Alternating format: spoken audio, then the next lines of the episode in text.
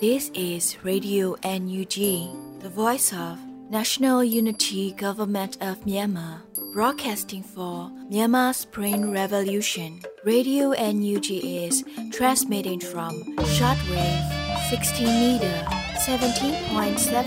megahertz at 8:30 a.m. and 25 meter 11.94 megahertz at 8:30 p.m. Myanmar Standard Time. မင်္ဂလာပါရှင်။အမျိုးသားညီညွတ်ရေးအစိုးရရဲ့အတန်လွတ်ဌာန Radio NUG ကိုမန္တပိုင်း၈နိုင်ခွဲမှာလိုင်းတူ6မီတာ19.3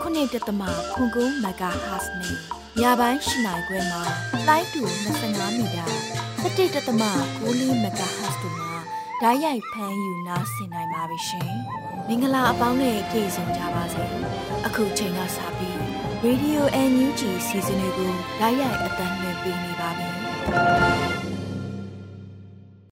မြန်မာနိုင်ငံသူနိုင်ငံသားအပေါင်းတဘာဝအဖြစ်စစ်အာဏာရှင်ဘေးတို့ကနေကင်းဝေးပြီးဘေးကင်းလုံခြုံကျန်းမာကြပါစေလို့ရေဒီယိုအန်ယူဂျီအဖွဲ့သားများကဆုတောင်းမေတ္တာပို့သလိုက်ရပါတယ်ရှင်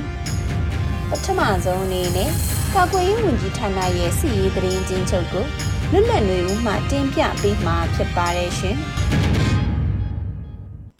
အခုချိန်မှစပြီးအမျိုးသားညီညွတ်ရေးဆိုရကာကွယ်ရေးဝန်ကြီးဌာနမှထုတ်ပြန်တဲ့နေ့စဉ်စစ်ရေးသတင်းအချင်းချုပ်ကိုတင်ပြပေးပါမယ်။တိုက်ပွဲများမှာအကြမ်းဖက်စစ်ကောင်စီတပ်သားတေဆုံးသူနဲ့ဒဏ်ရာရသူဥယေကိုစုံစမ်းဆဲဖြစ်တယ်လို့သိရပါတယ်။အဆိုပါစစ်ကောင်စီနဲ့တိုက်ပွဲဖြစ်ပွားမှုသတင်းများမှာမန္တလေးတိုင်းတွင်ဒီဇင်ဘာလ9ရက်နေ့မနက်10:00နာရီခန့်ကငန်းစုံမြို့နယ်မြေတိုင်းရွာရှိလက်နက်ကင်ထားသည့်ပြည်စောတိနေအိမ်သို့ဒေသခံပြည်သူ့ကာကွယ်ရေးအဖွဲ့က ဝင်ရောက်စီးနင်းပစ်ခတ်ရာအပြန်အလှန်ပစ်ခတ်မှုဖြစ်ပွားခဲ့ပြီးပြည်သူ့ကာကွယ်ရေးရဲဘော်2ဦးကြာဆုံးခဲ့ပါတယ်ဆက်လက်ပြီးစစ်ကောင်စီမှကျူးလွန်သောရာဇဝမှုများကိုတင်ပြရမယ်ဆိုရင်ကရင်နီကရားပြည်နယ်မှာဒီဇင်ဘာလ9ရက်နေ့မနက်7:00နာရီခန့်ကဒီမော့ဆိုမြို့နယ်ဒေါကလုတ်ခူရွာသို့ငွေတောင်ချေဆိုင်ခလိုက်ရ102တပ်မှလက်နက်ကြီးများဖြင့်ပစ်ခတ်ခဲ့ရာပြည်သူနေအိမ်နှလုံးထိခိုက်ပျက်စီးခဲ့ပါတယ်။စကိုင်းတိုင်းမှာ ဒီဇင်ဘာလ6ရက်နေ့မနက်9နာရီခန့်ကဆလင်းကြီးမြို့နယ်တရားကြီးရွာအုံတော်ကြီးရွာရှမ်းကိုင်းကြီးရွာများသို့စစ်ကောင်စီတပ်သားများဝင်ရောက်ခဲ့ပြီးနေအိမ်များကိုမိရှို့ဖျက်ဆီးခဲ့ကြပါတယ်။မန္တလေးတိုင်းမှာဒီဇင်ဘာလ9ရက်နေ့မနက်7:30မိနစ်ခန့်ကငန်းစုံမြို့နယ်လက်ပံသာခေါ်တလင်းကုံရွာသားအသက်60ဝန်းကျင်အရွယ်ရှိဦးမောင်စိုးခေါ်ဦးစိုးအားစစ်ကောင်စီများကဖမ်းဆီးသွားခဲ့ပါတယ်။ ဒီဇင်ဘာလ6ရက်နေ့ည9:30မိနစ်ခန့်ကနထိုးကြီးမြို့နယ်မင်းရွာကြီးရွာတဲ့သို့တီတာယုမွန်သွေးတောက်ဖွဲ့မှနာမည်စည်းများနဲ့နေအိမ်များတဲ့သို့ဝင်ရောက်ဖမ်းဆီးခဲ့ရာ၄ဦးအားတွေ့ရှိသွားပြီးတွေ့ရာပြည်သူ2ဦးကိုပါခေါ်ဆောင်သွားခဲ့ပါတယ်။အဆိုပါပြည်သူ6ဦးအားမင်းရွာနဲ့ကူကုန်းရွာကြားတွင်ဇရက်နားတွင်လက်ပြန်ကျိုးတုပ်၍လက်ပင်အားဓာဖြင့်လှီး၍ဥကောင်းတွင်တနတ်ဖြင့်ပြစ်တက်ဒဏ်ရာများဖြင့်သေဆုံးခဲ့ပါတယ်။အသက်ခံရသူများထဲမှ၄ဦးဟာ NLD ပါတီဝင်များဖြစ်သည့်ဦးကျော်ဆောင်အသက်63နှစ်ဦးခင်မောင်စိန်အသက်62နှစ်ဦးဟန်တင်အသက်42နှစ်ဦးမင်းစောအသက်36နှစ်တို့ဖြစ်ပြီးကြံနှစ်ဦးမှာဦးစိုးပိုင်အသက်38နှစ်နဲ့ကိုအောင်ကိုမင်းအသက်18နှစ်တို့ဖြစ်ကြပါတယ်။ရန်ကုန်တိုင်းမှာဒီဇင်ဘာလ9ရက်နေ့မနက်10:30မိနစ်ခန့်တွင်ကြည်မြင်နိုင်မြို့နယ်ဘတ်စကားပေါ်တွင်ဆန္ဒပြလူငယ်9ဦးကိုစစ်ကောင်စီအဖွဲ့ဝင်များကဖမ်းဆီးခဲ့ပြီးဖမ်းဆီးခဲ့သောလူငယ်များမှာ ၄ဦးကိုကြည်မြင်နိုင်ဘက်သို့ခေါ်ဆောင်သွားပြီးကြံ၃ဦးကို DC ပေါ်သို့တင်၍အင်းစိန်ဘက်သို့မောင်းနှင်ခေါ်ဆောင်သွားခဲ့ပါတယ်။ဒီဇင်ဘာလ9ရက်နေ့နေ့လယ်3နာရီခန့်ကတာကေတာမြို့နယ်ကျောင်းကွင်းမှတ်တိုင်တွင်အသက်30အရွယ်မျိုးသမီးတဦးကိုအိမ်စည်းကားဖြင့်စစ်ကောင်စီအရောက်ဖို့အမျိုးသား၄ဦးကဖမ်းဆီးခဲ့ကြပါတယ်။ဒီဇင်ဘာလ6ရက်နေ့နေ့လယ်3နာရီခန့်ကရွှေပြည်သာမြို့နယ်မြင်းလဲဂိတ်ရွှေတန်းကျွယ်လက်ဖက်ရည်ဆိုင်တွင်ထိုင်နေသောလူငယ်တဦးကိုစစ်ကောင်စီအဖွဲ့ဝင်များက ဖမ်းဆီးခဲ့ကြပါတယ်ခင်ဗျာ။ယခုတင်ပြပေးခဲ့တဲ့သတင်းတွေကိုမြေပြင်သတင်းတာဝန်ခံတွေနဲ့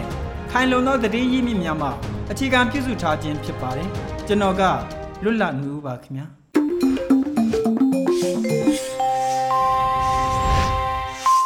ဆက်လက်ပြီး Radio UNG ရဲ့နောက်ဆုံးရသတင်းများကိုຫນွေဦးမိုင်မှဖတ်ကြားတင်ပြပေးပါမယ်ရှင်။မင်္ဂလာမနေ့ခင်ပါရှင်။ အခုချိန်ကစပြီး Radio UNG ရဲ့ဒီဇင်ဘာလ10ရက်နေ့မနေ့ခင်သတင်းတွေကိုတင်ပြပေးပါမယ်။ကျွန်မຫນွေဦးမိုင်ပါ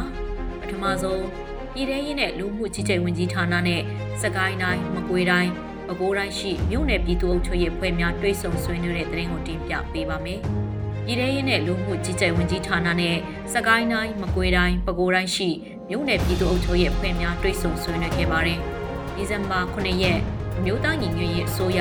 ပြည်ထရေးနဲ့လူမှုကြီးကြပ်ဝင်ကြီးဌာနနဲ့စကိုင်းတိုင်းမကွေးတိုင်းရှိမြို့နယ်ပြည်သူ့အုပ်ချုပ်ရေးအဖွဲ့များတွဲဆုံဆွေးနွေးမှုအစည်းအဝေးစနစ်မြင်းဆောင်2022ကိုကျင်းပခဲ့ပါတယ်။အစည်းအဝေးမှာပြည်ထရေးနဲ့လူမှုကြီးကြပ်ဝင်ကြီးဌာနမိသက်ဦးစီးဌာနနဲ့ပြည်သူ့အုပ်ချုပ်ရေးဦးစီးဌာန၏တာဝန်ရှိသူများမှဝင်ကြီးဌာန၏လုပ်ငန်းဆောင်ရွက်ချက်များကိုရှင်းလင်းပြောကြားခဲ့ပြီးနောက်တက်ရောက်လာသောမြို့နယ်ပါအဖဖွဲ့ဝင်များကမြေပြင်အုပ်ချုပ်ရေးဆောင်ရွက်နေမှုများ ကြုံတွေ့နေရသည့်အခက်အခဲများနဲ့လိုအပ်ချက်များစသည်တို့ကိုရှင်းလင်းတင်ပြပြီးမူဝါဒပိုင်းဆိုင်ရာတည်ရှိလိုသည့်များအားမေးမြန်းကြကဝင်ကြီးဌာနမှသက်ဆိုင်ရာတာဝန်ရှိသူများကပြန်လည်ဖြေကြားခဲ့ပါတယ်။အစည်းအဝေးသို့ပြည်သူ့အုပ်ချုပ်ရေးဦးစီးဌာနပြည်သူ့ရဲတပ်ဖွဲ့ပြည်သက်ဦးစီးဌာနလူဝင်မှုကြီးကြပ်ရေးဦးစီးဌာနအထူးဆောင်ဆန်းထောက်လှမ်းရေးဦးစီးဌာနတို့မှတာဝန်ရှိသူများစကိုင်းတိုင်း၊မကွေးတိုင်း၊ဘိုးတိုင်းတို့မှမြို့နယ်ပြည်သူ့အုပ်ချုပ်ရေးအဖွဲ့ဝင်များတက်ရောက်ခဲ့ပါတယ်။ ဆက်လက်ပြီးမြန်မာចောင်းသားတွေနဲ့အတူရက်တီချောင်းဖော်ထုတ်ပြသခဲ့တဲ့ဒီပေါ်ចောင်းသားများကိုကာကွယ်ဝင်ကြီးကျေးဇူးတင်စကားဆိုလိုက်တဲ့သတင်းကိုတင်ပြပေးပါမယ်။မြန်မာចောင်းသားတွေနဲ့အတူရက်တီချောင်းထုတ်ဖော်ပြသခဲ့တဲ့ဒီပေါ်ចောင်းသားများကိုကာကွယ်ဝင်ကြီးဦးရင်မွန်ကကျေးဇူးတင်စကားဆိုလိုက်ပါတယ်။ဒီဇင်ဘာ9ရက် Twitter မှာကာကွယ်ဝင်ကြီးကအသိပေးဆိုပါတယ်။စီးလုံးညီညွတ်မှုအတွက်ဒီပေါ်ចောင်းသားများကိုကျေးဇူးတင်ပါတယ်လို့ဆိုပါတယ်။ရကုံတက်ကတူចောင်းသား9ဦးအပါအဝင် လူကြီးချက်ကြောင်တေတံကြခါနေရသူတွေနဲ့အတူဒီပေါ်ចောင်းသားသမဂနဲ့ចောင်းသားများကယက်တီចောင်းထုတ်ဖော်ပြသခဲ့ကြရလို့ဒီဇင်ဘာ6ရက်မှာရကုံတက်ကတူចောင်းသားသမဂကအသိပေးဖော်ပြပါရယ်ဒီဇင်ဘာလ9ရက်နေ့မှာဒီပေါ်ចောင်းသားသမဂကចောင်းသားတွေဟာမြန်မာစစ်အုပ်စုရဲ့ចောင်းသားတွေအပေါ်တေရန်ချမှတ်ခဲ့မှုကိုစန့်ကျင်ပြီးနီပေါ်နိုင်ငံမြန်မာတန်ယုံရှိမှဆန္ဒပြခဲ့ကြပါတယ်။နီပေါ်ရဲ့တပ်ဖွဲ့ကနေပြီးចောင်းသားတွေကိုဖမ်းဆီးခဲ့တာတွေရှိခဲ့တယ်လို့လည်းသိရပါတယ်။ ရကုံတက္ကသိုလ်ចောင်းသား9ဦးနဲ့ပြည်သူ12ဦးစုစုပေါင်း19ဦးကိုအကြမ်းဖက်ဆဲအုပ်စုမှနိုမာလ30ရက်2022ခုနှစ်တွင်တေရန်ချမှတ်ခဲ့ပါတယ်ရှင်။ရေဦးတော်နိုင်ကအောင်မြင်မှမှုချဖြစ်တယ်လို့ပြည်တော်စုဝင်ကြီးဒေါက်တာဇော်ဝေဆိုးဆိုလိုက်တဲ့သတင်းကိုဆက်လက်တင်ပြပေးပါမယ်။ရေဦးတော်နိုင်ကအောင်မြင်မှမှုချဖြစ်တယ်လို့ပြည်တော်စုဝင်ကြီးဒေါက်တာဇော်ဝေဆိုးကပြောပါတယ်။ဒီဇင်ဘာ9ရက်မှာတော်လှန်ရေးနဲ့ပတ်သက်လို့ပြည်တော်စုဝင်ကြီးဒေါက်တာဇော်ဝေဆိုးကဆိုပါတယ်။ ရေဦးတော်နိုင်ကအောင်မြင်မှမှုချဖြစ်ပါတယ်။အကြမ်းဖက်စစ်တပ်ကအောင်မြင်မှမှုချဖြစ်ပါတယ်။ပြည်သူလူထုထောက်ခံမှုဘဲဘက်မှာဘလောက်များလဲဆိုတာအကြမ်းဖက်စစ်တပ်ကိုယ်တိုင်သိပါတယ်လို့ဝန်ကြီးကဆိုပါတယ်။ဒါအပြင်စစ်ကောင်စီတပ်ကိုထိန်းထားဖို့တပ်ပြတ်နေမှုကိုအကြမ်းဖက်စစ်တပ်ကိုယ်တိုင်အတိဆုံးဖြစ်တယ်လို့ပြည်ထောင်စုဝန်ကြီးကထပ်လောင်းပြောပါတယ်။ပြည်သူခုခံတွန်းလှန်စစ်တစ်နှစ်ကျော်ကာလအတွင်းအကြမ်းဖက်စစ်တပ်က2000ကျော်သေဆုံးခဲ့ပါတယ်ရှင်။ဆက်လက်ပြီး ကချင်ပြည်နယ်မှာလုံခြုံမှုမရှိတော့တဲ့ဖြစ်ရများကိုပြည်တော်စုဝင်ကြီးဒေါက်တာတူးခေါင်ပြောကြားတဲ့သတင်းကိုတင်ပြပေးပါမယ်။ကချင်ပြည်နယ်မှာလုံခြုံမှုမရှိတော့တဲ့ဖြစ်ရများကိုပြည်တော်စုဝင်ကြီးဒေါက်တာတူးခေါင်ပြောကြားလိုက်ပါတယ်။ဒီဇင်ဘာ9ရက်မှာပြည်တော်စုဝင်ကြီးဒေါက်တာတူးခေါင်ကအတည်ပြုဆိုပါတယ်။အားကတ်မှာကားမောင်းနေတဲ့လူလက်ပိုင်းကလေးအဖေလမ်းမပေါ်နေခင်းကြောင်တောင်စစ်ကောင်စီပြစ်တက်တာခံရတဲ့မိသားစုဘာမှမေးပိုင်ခွင့်မရှိဘူး။မြစ်ကျင်နာမြို့လေခေါင်တားမီနှစ်ယောက်ကားမောင်းနေရင် ပြစ်တက်ခံရတာကိုစစ်လော်ဘီတွေကရင်တိုက်မှုဆိုပြီးလော်တယ်။ကားပါသိမ်းတယ်မိသားစုဝင်တွေအတွေ့မတက်ရဲဘူး။ဖားကန်လက်မပေါ်ကရွာသား30ကျော်ကိုရှေ့တန်းသွားနေတဲ့စစ်ကြောင်းကလူသားတိုင်းလုပ်တယ်။ဘယ်ရက်မိရဖာမှမပြောရဲဘူးလို့ဝန်ကြီးကဆိုပါတယ်။မြန်မာနိုင်ငံမှာနိုင်ငံသားအလုံးလုံခြုံမှုမရှိတော့ဘဲအသက်ခံရတဲ့လူများအလုံးကောင်းရာဘုံဘဝရောက်ရှိပါစေကြောင်းနဲ့ပေးဆက်ရတဲ့ဘဝတွေအတွက်ဆက်ပြီးတာဝန်ယူသွားမယ်လို့ဝန်ကြီးကထပ်မံဆိုပါရရှင်။ ဆက်လက်ပြီးပြည်ထောင်စုလွှတ်တော်ကိုစားပြုကော်မတီရှိပြည်သူ့ရေးရာကော်မတီနဲ့ကချင်ပြည်နယ်မှ CDM တွေရဲ့ကောင်းများတွေ့ဆုံဆွေးနွေးတဲ့သတင်းကိုတင်ပြပါောင်းမယ်။ပြည်ထောင်စုလွှတ်တော်ကိုစားပြုကော်မတီတွင်ဖွဲ့စည်းထားရှိသောပြည်သူ့ရေးရာကော်မတီဟာကချင်ပြည်နယ်မှ CDM များနဲ့2022ခုနှစ်ဒီဇင်ဘာလ6ရက်နေ့နေ့လယ်12နာရီခွဲအချိန်တွင် video conference ဖြင့်တွေ့ဆုံခဲ့ပါတယ်။တွေ့ဆုံဆွေးနွေးပွဲ၌ပြည်ထောင်စုလွှတ်တော်ကိုစားပြုကော်မတီအတွင်းရေးမှူးအဖွဲ့ဝင်ဒေါ်ဖြူဖြူတင်းက တော်လှန်ကာလမှာနှစ်နှစ်နီးပါးရှိလာပြီဖြစ်၍မဝေးတော့သည့်အနာဂတ်တွင်အောင်မြင်မှုရရှိမှာမူချယုံကြည်ပါကြောင်းနဲ့အခက်အခဲများတွေးခွဲမှုများကိုပုံမစည်းလုံးညီညွတ်စွာကြောဖြတ်ကြရန်လိုအကြောင်းပြောကြားခဲ့ပါတယ်။ထို့နောက်မြို့သားညီညွတ်ရေးအစိုးရတင်ငိုင်းဝင်ကြီးဌာနနဲ့ကျန်းမာရေးဝန်ကြီးဌာနပြည်တော်စုဝန်ကြီးဒေါက်တာဇော်ဝေစုကအဖွဲ့မှစကားပြောကြားခဲ့ပါတယ်။ဆက်လက်၍ပြည်သူ့ရေးရာကော်မတီဥက္ကဋ္ဌဒေါက်တာခင်ဆူဆိုကြီးကတွိတ်ဆုံရချင်းရွေးချက်ကိုရှင်းလင်းပြောကြားရရင် မိမိတို့ကိုယ်စားလှယ်များသည့် NUG, CRPH နဲ့ကြာရနေရတီတီတွင်ပါဝင်ဆောင်ရွက်လက်ရှိကြပါကြောင်းနဲ့ပြည်သူ့ရေးရာကော်မတီသည်ပြည်သူများ၏အရေးအရာများထဲမှ CDMR များအတွက်အဓိကထား၍ဆောင်ရွက်ပေးလက်ရှိသည်ကို CDM များအနေဖြင့်တည်စေလို၍တွေ့ဆုံရခြင်းဖြစ်ပါကြောင်းပြောကြားခဲ့ပါတယ်။ထို့နောက်ပြည်သူ့ရေးရာကော်မတီအတွင်းရေးမှူးဒေါ်အီအီပြုံးကကော်မတီ၏လက်ရှိချိန်တွင် CDM များကိုကူညီပံ့ပိုးနေမှုများ CDM များအတွက်ဆက်လက်ကြိုးပမ်းဆောင်ရွက်နေမှုလုပ်ငန်းများအားရှင်းလင်းပြောကြားခဲ့ပါတယ်။တွေ့ဆုံဆွေးနွေးပွဲသို့ပြည်ထောင်စုလွှတ်တော်ကိုစားပြုကော်မတီအတွင်းရေးမှူးအဖွဲ့ဝင်ဒေါ်ဖြူဖြူသိန်းအမျိုးသားညီညွတ်ရေးအစိုးရပညာရေးဝန်ကြီးဌာနနဲ့ကျန်းမာရေးဝန်ကြီးဌာနပြည်ထောင်စုဝန်ကြီးဒေါက်တာဇော်ဝေဆိုးပြည်သူ့ရေးရာကော်မတီဥက္ကဋ္ဌဒေါက်တာခင်စိုးစိုးကြည်နဲ့အဖွဲ့ဝင်များပချင်းပြည်နယ်မှ CDM တွေကောင်းများတက်ရောက်ခဲ့ကြပါတယ်ရှင်။ ဆက်လက်ပြီးလူဦးရောင်ညေကိုများမှ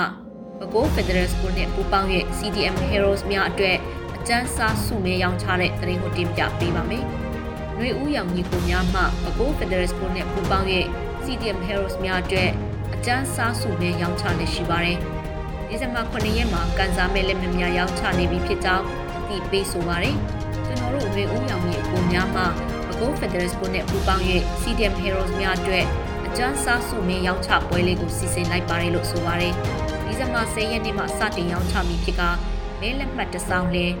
တောင်းချက်နဲ့မဲလက်မှတ်ဆောင်ရင်600တိတိရောင်းချပေးသွားမှာဖြစ်ပါတယ်။ရရှိရန်ပုံဝင်များအားပဲခူး Federal School ရဲ့တင် जा ပို့ချနေသော CDM ဆရာဆရာမများနဲ့ပဲခူးတိုင်းအတွင်းရှိပညာရေး CDM များကိုထောက်ပံ့ပေးသွားမှာဖြစ်ပါတယ်ရှင်။ဆက်လက်ပြီးကျုံးလှမြို့နယ်အင်းတိုင်းရွာအားစစ်ကောင်စီတပ်မှမိရှုဖျက်ဆီးခြင်းကြောင့် ပြည်သူပိုင်နေအိမ်143လုံးထိမိလောင်ဆုံးရှုံးရတဲ့တဲ့ရင်ကိုတင်ပြပေးပါမယ်။စကိုင်းတိုင်းကျွန်းလှမြို့နယ်အင်းတိုင်းရွာအားစစ်ကောင်စီတပ်မှမိရှုဖျက်ဆီးခြင်းကြောင့်ပြည်သူပိုင်နေအိမ်143လုံးထိမိလောင်ဆုံးရှုံးခဲ့ပါတယ်။ဒီဇင်ဘာ9ရက်နေ့မှာ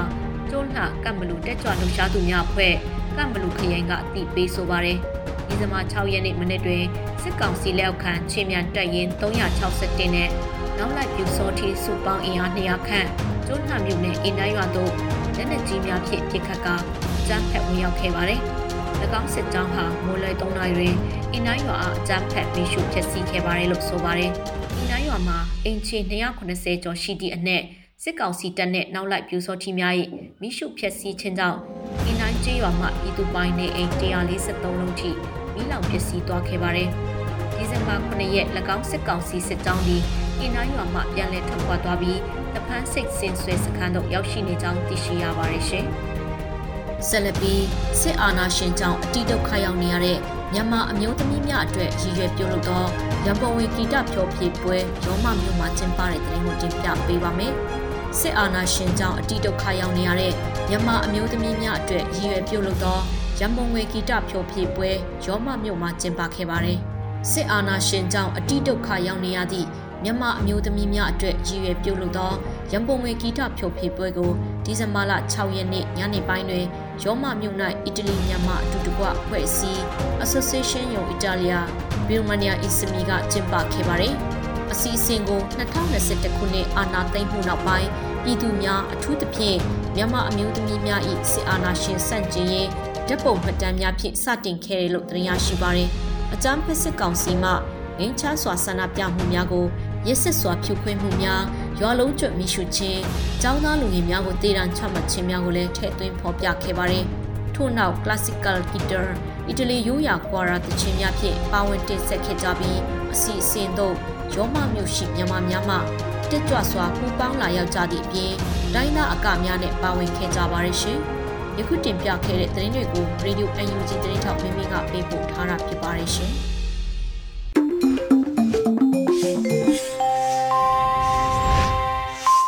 Radio UNG မှဆက်လက်တမ်းလှည့်နေပါတယ်။အခုဆက်လက်ပြီးကျောင်းသားလူငယ်တွေအပေါ်တည်ရန်ချမှတ်နေမှုအားပြည်ထောင်စုဝန်ကြီးဦးအောင်မျိုးမင်းရဲ့တုံ့ပြန်ပြောကြားချက်ကိုထုတ်လွှင့်ပေးပါမယ်ရှင်။တည်ရန်ပေးခြင်းဆိုတဲ့ဟာကဥပဒေနဲ့လူရဲ့အသက်ကိုတတ်ဖြတ်တာဖြစ်တယ်ဆိုတဲ့အယူဆကနိုင်ငံတော်တော်များများကလက်ခံလာကြပါတယ်ဒါကြောင့်မလို့တေတံပေးတာကိုဖျက်သိမ်းမှုအတွက်မကျင့်သုံးမှုအတွက် ဝိုင်းဝန်းတောင်းဆိုနေကြပါတယ်တကယ်လို့တေတံပေးသည့်တိုင်အောင်ဒီတေတံပေးမှုကဆွဆွဲခံရတဲ့သူအတွက်ခုခံခွင့်နေအယူခံဝင်ခွင့်နေအတနာခံခွင့်နေဒါတွေအပြည့်အဝရရပါလိမ့်မယ်ဒါအပြင်ပြည့်စုံလုံလောက်တဲ့တက်တေအထောက်ထားနဲ့တေးသေးချာချာစီရင်ပြီးတော့လှုပ်ဆောင်ရပါလိမ့်မယ်ဒါအပြင်ဖွဲ့စည်းပုံအခြေခံဥပဒေမှာသတ်မှတ်ထားသလိုအမြင့်ဆုံးတာဝန်ရှိတဲ့သူကခွင့်ပြုချက်ယူရပါလိမ့်မယ် အခုမြန်မာနိုင်ငံမှာဖြစ်ပွားနေတဲ့ចောင်းသားတမကအဖွဲ့ဝင်လူငယ်တွေနဲ့ကိစ္စနဲ့ပတ်သက်ပြီးကြည့်ရမယ်ဆိုတော့ဒီချက်တွေလုံးဝမရှိပါဘူး။ဘာမှမခိုင်လုံမဲနဲ့အမြင့်ဆုံးတေတံကိုစီရင်မှုကတကယ်မဖြစ်တဲ့အရာဖြစ်တယ်။ဒါကြောင့်မလို့ဒီဟာတေတံပေးခြင်းလို့ပြောလို့မရပါဘူး။စစ်တပ်က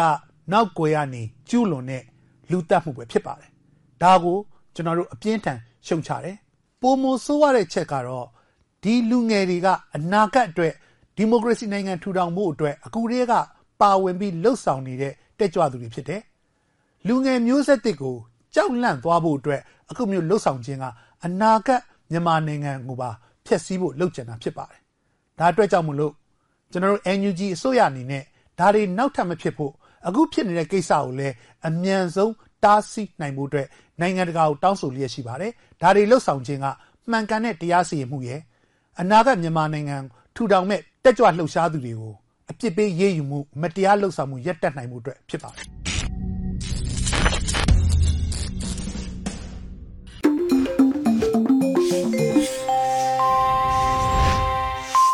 မိုးလေဝသအရေးပေါ်ထုတ်ပြန်ကြေညာချက်ကိုတင်ပြပေးသွားပါမယ်ရှင်။2022ခုနှစ်ဒီဇင်ဘာလ9ရက်နေ့တွင် မုန်တိုင်းငယ်ဖြစ်လာနိုင်မှာကရွှေလျားနိုင်သည့်လမ်းကြောင်းခံမှန်းချက်2022ခုနှစ်ဒီဇင်ဘာလ9ရက်နေ့တွင်ဘင်္ဂလားပင်လယ်အော်အနောက်အလဲပိုင်းရှိလေမုန်တိုင်းငယ်သည်ပိုမိုအားကောင်းလာပြီးဒီဇင်ဘာလ9ရက်ညပိုင်းတွင်ဆိုင်ကလုန်းမုန်တိုင်းအဖြစ်ရောက်ရှိလာနိုင်ပါသည်အဆိုပါတင်ချပုံစံခံမှန်းချက်လမ်းကြောင်းအတိုင်းရွေပါကဒီဇင်ဘာလ10ရက်မနက်ပိုင်းတွင်အနောက်မြောက်ဘက်ဆက်လက်ရွေရှားပြီး9ရက်နေ့ညပိုင်းတွင်အိန္ဒိယနိုင်ငံထမီနာဒုကမ်းခြေကိုဖျက်ကျော်ဝင်ရောက်နိုင်ပါသည် ကမ်းခြေကိုဖျက်ကျော်ပြီးနောက်အိန္ဒိယတောင်ပိုင်းတွင်ကုန်းနှင့်မုန်တိုင်းငယ်အဖြစ်ဆက်လက်တည်ရှိနိုင်ပါသည်အဆိုပါမုန်တိုင်းအရှိန်ကြောင့်မြမကဲရိုးတန်းတွင်လေပြင်းအန္တရာယ်မကျရောက်နိုင်တော့လဲကမ်းလွန်ပင်လယ်ပြင်တွင်တခါတရံလေတိုင်နှုန်း35မိုင်ခန့်တိုက်ခတ်ပြီးလှိုင်းကြီးနိုင်ပါသည်မုန်တိုင်းမှာနောက်မြောက်ဘက်သို့သာဥတီရွေရှားပြီးမုန်တိုင်းအဆောက်အုံတိမ်တိုက်များမှာမြမဘက်ပြန်ထွက်လာမှုနေပါသဖြင့်မိုးသည်ထန်နိုင်ခြင်းနေပါပါသည်ဒီဇင်ဘာလ9ရက်10ရက်တွင်သာ မြန်မာနိုင်ငံအောက်ပိုင်းဒေသများတွင်နေရာကျဲကျဲမိုးအသင့်တဲ့ရွာသွန်းနိုင်မှာကြောင်းအသိပေးအပ်ပါတယ်ရှင်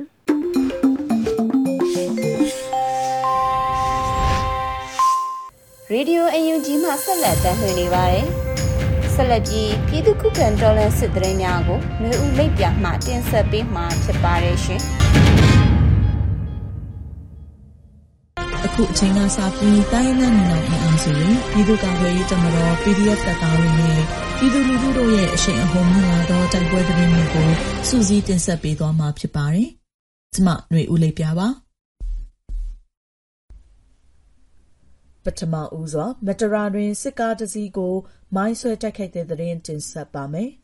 မန္တလေးမတရာမြို့နယ်တွင် စစ်ကားတစ်စီးကို ဒေသခံကာကွယ်ရေးတပ်ဖွဲ့များက မိုင်းဆွဲတိုက်ခိုက်ခဲ့ပြီး စစ်သား3ဦး သေဆုံးခဲ့ကြောင်း မတရာအခြေဆိုင်တော်လန်ရေးတပ်များက ဆိုပါတယ်။ဒီဇင်ဘာလ6ရက်နေ့ ညနေ9:54မိနစ်တွင် တောင်ခေါင်းနှင့် ဇီးဖြူပင်အကြား ဝင်လာသည့် အကြမ်းဖက်စစ်တပ်မှ စစ်ကားအကြီးတစ်စီးကို မိုင်းဆွဲတိုက်ခိုက်ခဲ့ပြီး စစ်သား3ဦး သေဆုံးခဲ့တာပါ။ ဆက်လက်ပြီး မုံရွာမြို့အဝင်တွင် တပ်ဆွဲထားသော စစ်သားများကို ဒရုန်းဖြင့် ဗုံးတိချတိုက်ခိုက်တဲ့သတင်း တင်ဆက်မှာပါ။စကိုင်းတိုင်း မုံရွာမြို့အဝင်တွင် တပ်ဆွဲထားသော စစ်သားများကို ဒရုန်းဖြင့် ဗုံးတိချတိုက်ခိုက်ခဲ့တယ်လို့ GYZ က ထုတ်ပြန်ပါတယ်။ ဒီဇင်ဘာလ6ရက်နေ့ ညနေ4:25မိနစ်ခန့်တွင် မုံရွာမြို့အဝင် ဘိုးဘွားရိပ်သာအနီးရှိ ရေဦးဆန်းဆိုင်ရှိတွင် တပ်ဆွဲထားသော စစ်သားများကို ဒေသခံကာကွယ်ရေးတပ်ဖွဲ့များက ဒရုန်းဖြင့် ဗုံးသီးချတိုက်ခိုက်ခဲ့ပြီး စစ်သားတအုပ်သေဆုံးခဲ့တယ်လို့ ဒေသကာကွယ်ရေးတပ်တွေက ထုတ်ပြန်ပါတယ်။အင်မထီရွာမှချမ်းဖက်စစ်သားပြူစောတိများကို တိုက်ခိုက်မှု စစ်သား ၈ ဦး သေဆုံးတဲ့သတင်း ဆက်လက်တင်ဆက်ပါမယ်။ စကိုင်းတိုင်းပလဲမြို့နယ် အင်မထီရွာမှ အင်အား200ခန့်ဖြစ်ထွက်လာသော အကြမ်းဖက်စစ်သားပြူစောထီပေါင်းအဖွဲ့ကို တိုက်ခိုက်ခဲ့ရာ ၈ ဦး သေဆုံးပြီး အများအပြား ဒဏ်ရာရရှိခဲ့ကြောင်း PRA တပ်ဖွဲ့က ဆိုပါတယ်။ပြည်သူ့ကာကွယ်ရေး ရဲဘော်များ အထိအခိုက်မရှိ ပြန်လည်ဆုတ်ခွာနိုင်ခဲ့ကြောင်း သိရှိရပါတယ်ရှင်။ နောက်ဆုံးအနေနဲ့ဖပွန်ခရိုင်ရှိ စစ်ကောင်စီတပ်စခန်း ၃ ခုကို KNL ပူးပေါင်းတပ်ဖွဲ့က တပြိုင်နက်တည်း တိုက်ခိုက်ခဲ့တဲ့သတင်း တင်ဆက်ပါမယ်။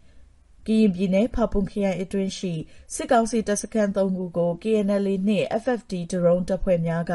တပြိုင်နက်တည်း ပူးပေါင်းတိုက်ခိုက်မှု စစ်တပ်ဘက်မှ သေဆုံးသူများပြားကြောင်း KNU KNL သတင်းရင်းမြစ်များက ဆိုပါတယ်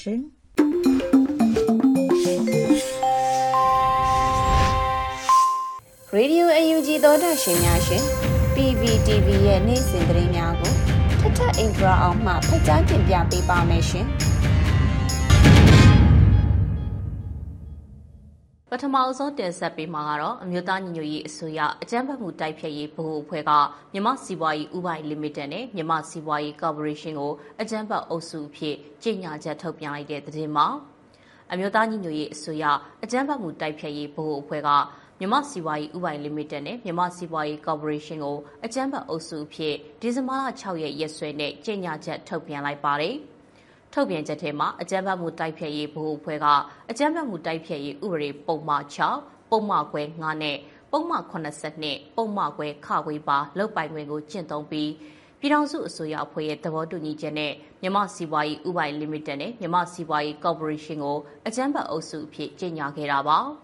ဒီလိုအကြမ်းဖက်အဖွဲ့အဖြစ်ကြီးညာရတာကမြမစီးပွားရေးဥပိုင်လီမိတက်နဲ့မြမစီးပွားရေးကော်ပိုရေးရှင်းတို့ကမင်းအောင်လှိုင်ဦးဆောင်တဲ့အကြမ်းဖက်စေအုပ်စုတပ်ဆိုးရှိစေဖို့အတွက်စီးပွားရေးလုပ်ငန်းပေါင်းစုံကိုလဝက်ကြီးအုပ်ချဲ့လဲပြီးနှစ်စဉ်ဗန္နာရန်မုံငွေတွေများစွာကိုရှောက်ဖွေထောက်ပံ့ပေးနေတာကိုစစ်စစ်တွေ့ရှိရတဲ့အတွက်ကြောင့်ဆိုပြီးတော့ဖော်ပြထားပါတယ်။အဲ့ဒီဗန္နာရန်မုံငွေတွေကအကြမ်းဖက်စစ်တပ်ရဲ့ထိပ်ပိုင်းခေါင်းဆောင်တွေနဲ့အရာရှိတွေအတွက်သာအကျိုးစီးပွားဖြစ်ထွန်းလျက်ရှိပြီးတော့ အောက်ခြေအကျက်စစ်တီများမှာခံစား권မရှိသလောက်နေပါလျက်ရှိတာကိုအမျက်ခွဲမှုဆိုင်ရာအထောက်အထားစာရွက်စာတမ်းတွေအရသိရှိရတယ်လို့ဖော်ပြထားပါတယ်။ဒါအပြင်အဲ့ဒီအကျိုးမြတ်တွေကိုအသုံးပြုပြီးအကြမ်းဖက်စေအုပ်စုကနေ့စဉ်နဲ့အမျှနိုင်ငံတော်မှာရှိတဲ့အပြစ်မဲ့ပြည်သူတွေအပေါ်လူမဆန်စွာအကြမ်းဖက်တိုက်ခိုက်တပ်ဖြတ်မှုတွေကိုကျူးလွန်လျက်ရှိနေတဲ့အတွက်မြမစီးပွားရေးဥပိုင်လီမိတက်နဲ့မြမစီးပွားရေးကော်ပိုရေးရှင်းတို့ကိုအကြမ်းဖက်အုပ်စုတွေဖြစ်ကြီးညာလိုက်တာလို့လည်းဖော်ပြထားပါတယ်။ အကြမ်းဖက်အဖွဲ့အစည်းတွေရဲ့ပိုင်ဆိုင်မှုအလုံးကိုအကြမ်းဖက်မှုတိုက်ဖျက်ရေးဥပဒေပုံမှန်3ပုံမှန်ခွဲဂကြီးအရ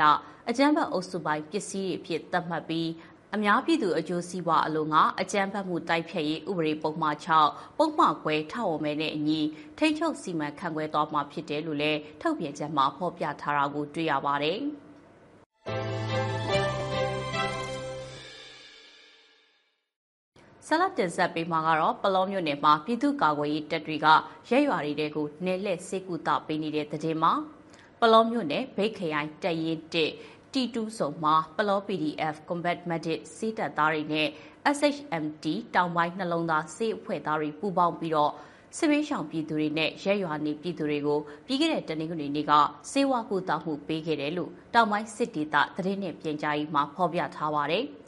လွမြောက်နေမြေမှာတော့ကျွန်တော်တို့ PDF တွေဘက်ကနေစေကံဖွင့်ပြီးတော့ကုသပေးနေပါတယ်အခုလိုနေလှည့်တာကရှီတန်းနေမြေမှာရှိတဲ့ရဲဘော်တွေမိဘပြည်သူတွေစစ်ဘေးရှောင်တွေအတွက်အဓိကထားပြီးတော့နေလှည့်ဖြစ်တာပါလို့တက်ရင်ကတာဝန်ခံကပြောပါတယ်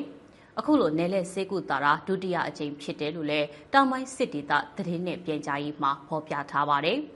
PDF တွေအခုလိုလာရောက်စိတ်ကူတာပြီးတော့ကျမတို့ကပို့ပြီးတော့ဝမ်းသာတာပေါ့အခက်အခဲကြားကနေရအောင်လာပေးတာကျမတို့စီကနေ PDF တွေဖွင့်ထားတဲ့စေကန်းစီရအောင်သွားဖို့ကခရီးနဲ့နဲ့ဝေးလွန်ပါတယ်အခုလိုတပတ်တခါလာရောက်ပေးရင်တော့ပို့ပြီးအဆင်ပြေတာပေါ့လို့စေကူတာတဲ့ပြည်သူတယောက်ကပြောကြားခဲ့တယ်လို့ဆိုပါတယ်စစ်ဘေးရှောင်နေရတဲ့ပြည်သူတွေကိုပြည်သူ့ကာကွယ်ရေးတပ်တွေကစေဝါကူတာမှုတွေပြုလုပ်ပေးနေတာလည်းဖြစ်ပါတယ်။ နောက်ထပ်တင်ဆက်ပေးချင်တာကတော့အကြမ်းဖက်စစ်တပ်ကပြည်သူတွေနေထိုင်တဲ့ကြီးရွာတွေကိုရည်ရွယ်ချက်ရှိရှိနဲ့လက်နက်ကြီးတွေနဲ့ပစ်ခတ်နေတယ်လို့ KNU ဗဟိုကထုတ်ပြန်လိုက်တဲ့သတင်းမှာ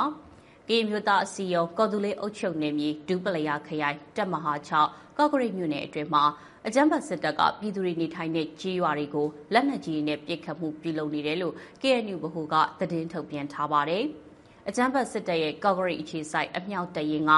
ဘော်တိုင်းကြီးရွာအတွင်ကိုဒီဇင်ဘာလ၁ရက်မနက်10:00နာရီမှာ120မမနဲ့လေးလုံးပစ်ခတ်ခဲ့တာကြောင့်တိဖတုအသက်55ရဲ့နေအိမ်ပျက်စီးပြီးမောင်အေးစောအသက်26ဟာဥကောင်းထိခိုက်ဒဏ်ရာစိုးရိမ်ရရရှိပြီးတော့နေအိမ်မှာပျက်စီးခဲ့ရတယ်လို့ဖော်ပြထားပါတယ်။ဒီဇင်ဘာလ2ရက်မှာလဲကော့ဂရိတ်အခြေစိုက်အမြောက်တပ်ကုန်းက လက်နက်ကြီး120မမနဲ့ပစ်ခတ်တဲ့အခါမှာဘော်ရိုင်းကြီးရွာအတွင်းနှလုံးကြောက်ရောက်ပောက်ကွဲပြီးတော့နေအိမ်ရှစ်လုံးနွားလေးကောင်စပားချွေလေးစက်နဲ့ကားတစ်စီးထိခိုက်ပျက်စီးခဲ့ရပါတယ်။အဲဒီလိုပစ်ခတ်ခဲ့ပြီးတဲ့နောက်ည7:00နာရီအချိန်မှာ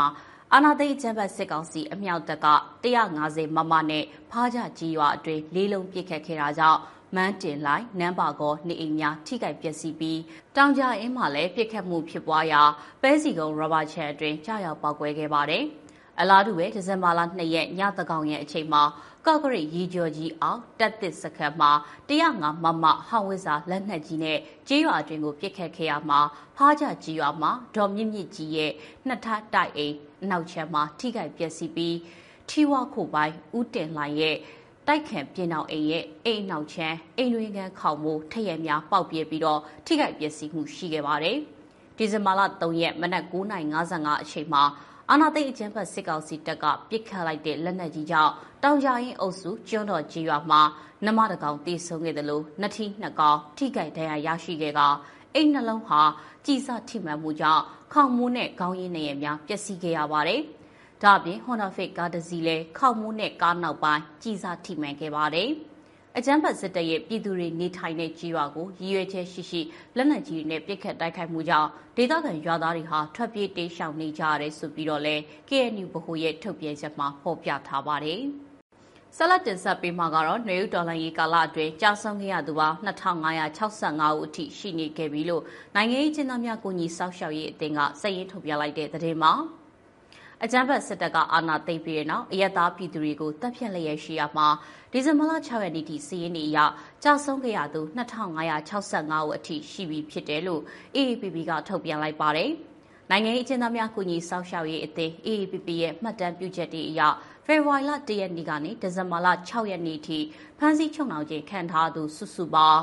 13059ဦးရှိပြီးတော့၎င်းတို့အနက်က1684ဦးဟာထောင်ဒဏ်ချမှတ်ခြင်းခံထားရတယ်လို့ဖော်ပြထားပါတယ်။ပြည်ထောင်ကြခံသူတွေတဲကမှ68ဦးကတည်တဲ့ချမှတ်ခြင်းခံထားရတာပါ။မြက်ွယ်တည်တဲ့ချမှတ်ခြင်းခံထားသူ42ဦးအပါအဝင်122ဦးဟာမြက်ွယ်ပြည်တဲ့ချမှတ်ခြင်းခံထားရတယ်လို့ဆိုပါတယ်။အဲ့ဒီစီးရင်တွေအရတည်တဲ့ချမှတ်ခံထားသူ139ဦးရှိပြီဖြစ်တယ်လို့လည်းဖော်ပြထားပါတယ်။ အာမခံနဲ့လွတ်မြောက်လာသူက24ဦးရှိပြီးပြန်လည်လွတ်မြောက်လာတဲ့အရေးအတွက်က3448ဦးရှိတယ်လို့ဆိုပါတယ်။ပေါ်ပြပါကဲကင်းတဲ့အရေးအတွက်တွေက APP ကကောက်ယူရရှိထားတဲ့အရေးအတွက်ဖြစ်ပြီးတော့မြေပြင်မှာဖြစ်ပွားနေတဲ့အချက်လက်နဲ့ကင်းကင်းတဲ့အရေးအတွက်တွေကယခုထပ်ပိုပြီးလဲများပြားနိုင်တယ်လို့ဖော်ပြထားပြီးအချက်လက်တွေထပ်မံကောက်ယူရရှိလာပါကဆက်လက်ပြီးတော့ထည့်သွင်းဖော်ပြသွားမယ်လို့ဆိုပါတယ်။ဒါ့အပြင်နိုင်ငံရေးအကျဉ်းသားများကုညီစောင့်ရှောက်ရေးအသင်းကလက်လက်မိသမျှမှတ်တမ်းပြုစုထားချက်တွေအရ အာနာသိန်းကြီးကစားပြီးတော့2022ခုနှစ်နိုဝင်ဘာလကုန်အထိ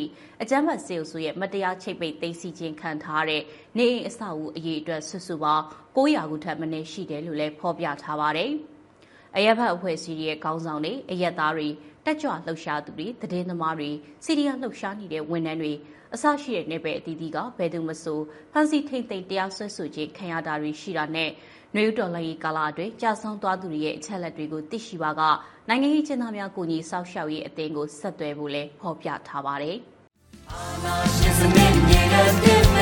ဒီလူတွေတာရ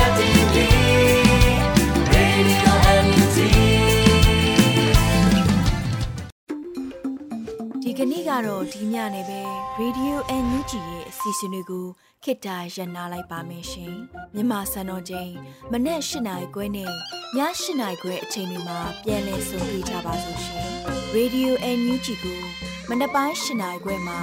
လိုင်းတူ16မီတာ19.7မခုကူမဂါဟတ်နဲ့ညပိုင်း၈နိုင်ခွဲမှာလိုင်းတူ25မီတာ17.6မဂါဟတ်တို့မှာဓာတ်ရိုက်ဖမ်းယူ နာဆင်နိုင်ပါပြီရှင်။မြန်မာနိုင်ငံသူနိုင်ငံသားများကိုစိတ်နှဖျားစမ်းမချမ်းသာလို့ဘေးကင်းလုံခြုံကြပါစေလို့ Radio NUG အဖွဲ့သူအဖွဲ့သားများကဆုတောင်းလိုက်ရပါတယ်။ San Francisco Bay Area အခြေဆိုင်မြန်မာမိသားစုများနိုင်ငံတကာကစေတနာရှင်များလို့အားပေးကြရဲ့ Radio NUG ဖြစ်ပါတယ်ရှင်။အရေးတော်ပုံအောင်ရမည်